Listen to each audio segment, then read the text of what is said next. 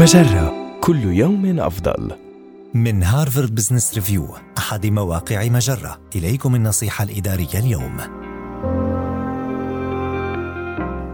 تغلب على الشعور بالخجل عند بدء العمل في وظيفة جديدة بهذه الطرق. قد تشعر بالخجل والإحراج عند بدء العمل في وظيفة جديدة وحتى إذا تم إعدادك للعمل بطريقة فعالة فقد لا تكون متاكدا مما يجب أن تقوله أو مع من يجب أن تتحدث أو كيفية تعلم ما تحتاج إليه في وظيفتك الجديدة. اعلم أنك لست الوحيد الذي يشعر بذلك إذ يشعر معظم الأشخاص بعدم الارتياح في الأيام أو الأسابيع أو حتى الأشهر القليلة الأولى في الوظيفة الجديدة. فيما يلي بعض الطرق لتسهيل عملية الانتقال. افعل كل ما بوسعك للتعرف على زملائك الجدد حتى إذا كنت قلقا من أن تترك انطباعا سيئا. من المحتمل أنك تفكر كثيرا في نظرة زملائك إليك في الأيام الأولى لانضمامك إلى العمل. ولكن اعلم أنهم لا ينظرون إليك بنظرة سلبية كما تعتقد.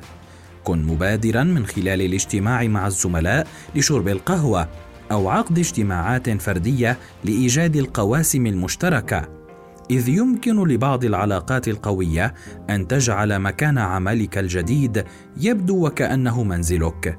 ركز أيضا على تعلم لغة المؤسسة. اعرف ما إذا كان بإمكان أحد الزملاء تزويدك بقائمة تحتوي على الاختصارات والعبارات الشائعة المتداولة في المؤسسة. واطلب الإذن منه للتواصل معه عندما تصادف عبارة جديدة لا تفهم معناها. والأهم من ذلك أن تتذكر أن التكيف مع بيئة جديدة يستغرق بعض الوقت وأن كل موظف كان موظفا جديدا في مرحلة ما أيضا. كلما منحت نفسك فرصة للتعرف على الآخرين واستثمرت في بناء العلاقات في وقت مبكر حتى إن كان ذلك غير مريح. شعرت أنك تعمل في هذا المكان منذ مدة طويلة. هذه النصيحة من مقال كيف تتغلب على مشاعر الإحراج عند بدء وظيفة جديدة؟